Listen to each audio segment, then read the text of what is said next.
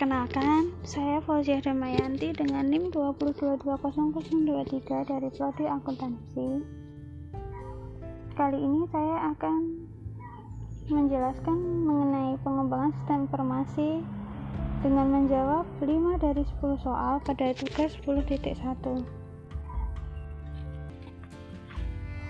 Hmm. Soal dan jawaban nomor 1. Apa langkah-langkah dalam metode SDLC? Metode SDLC memiliki tujuh langkah. Langkah yang pertama yaitu analisis awal. Pada langkah ini yang dijalankan yaitu membuat analisis aliran kerja manajemen yang sedang berjalan atau yang akan dibuat. Langkah yang kedua yaitu analisis sistem melakukan perincian mengenai apa saja yang dibutuhkan dalam perkembang dalam pengembangan sistem dan membuat perencanaan terkait proses bisnis yang sedang berjalan atau yang akan dibuat. Langkah yang ketiga yaitu desain sistem. Pada desain sistem ini membuat desain aliran kerja yang diperlukan yang dibuat oleh programmer untuk pengembangan pada sistem. Langkah yang keempat yaitu pemrograman. Pada tahap ini pengembangan sistem dengan menulis program yang diperlukan menggunakan desain menggunakan dokumen desain sistem sebagai panduan programmer dalam mengembangkan program. Langkah yang kelima yaitu menguji, yaitu melakukan pengujian program software yang telah dibuat pada tahap keempat. Bagian yang diuji ya yaitu seperti unit, sistem, dan penerimaan pengguna.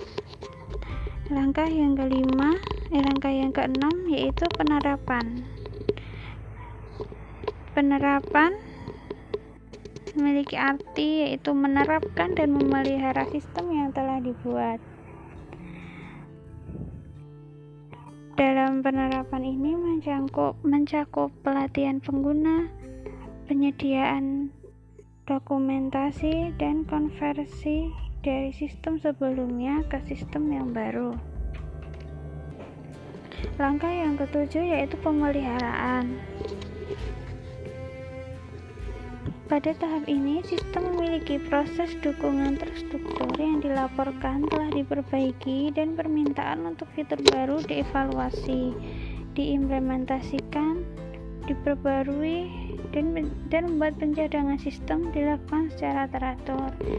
Pada tahap ke-7 ini dilakukan upaya pemeliharaan agar suatu sistem tersebut dapat berjalan dengan semestinya dapat bertahan atau awet digunakan dan apabila ada kerusakan dapat segera dievaluasi dan diperbaiki lagi hmm.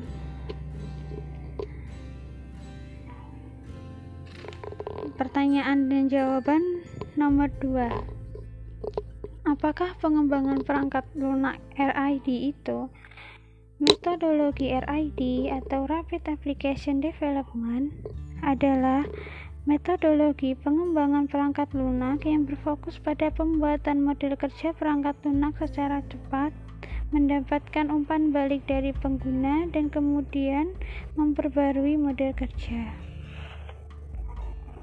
Pertanyaan dan jawaban nomor 3 Apa yang membuat metodologi LEARN unik?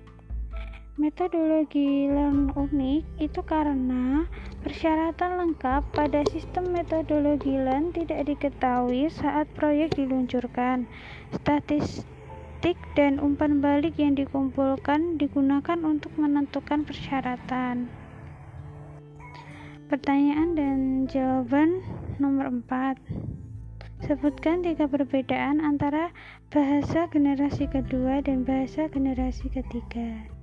Pada, pada bahasa generasi kedua, frasa yang digunakan mirip bahasa Inggris, yaitu dengan cara menyalurkan instrumen menyalurkan ke instrumen kode mesin.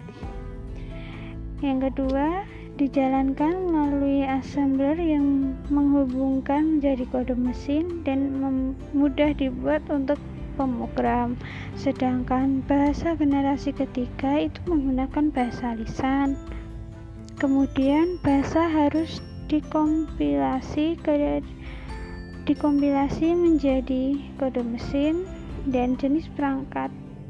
Harus perangkat keras yang tidak spesifik. Pada bahasa generasi ketiga ini menggunakan jenis perangkat keras yang tidak spesifik pertanyaan dan jawaban nomor 5 mengapa organisasi yang mempertimbangkan untuk membangun aplikasi software sendiri jika lebih mudah untuk membelinya Organisasi mempertimbangkan untuk membuat aplikasi software sendiri karena dengan membangun aplikasi software sendiri, perusahaan atau organisasi dapat membedakan dirinya berdasarkan proses bisnis yang ada pada software tersebut, sehingga para pesaing sulit untuk meniru. Selain itu, dengan membangun aplikasi software sendiri, perusahaan atau organisasi bebas mengatur berapa besar kapasitas penyimpanan yang akan digunakan pada proses bisnis tersebut. Sedangkan jika membeli software, besarnya kapasitas penyimpanan sudah diatur sehingga pengguna atau organisasi lah yang menyesuaikan dengan kapasitas yang tersedia dan ini kebanyakan menjadi hambatan saat proses bisnis tersebut proses bisnis tersebut berjalan karena keterbatasan penyimpanan. Nah, Sekian penjelasan mengenai pengembangan sistem informasi berdasarkan jawaban dari soal 1 sampai 5 dari topik 10 ini. Baiklah, sekian pada pertemuan podcast kali ini. Terima kasih.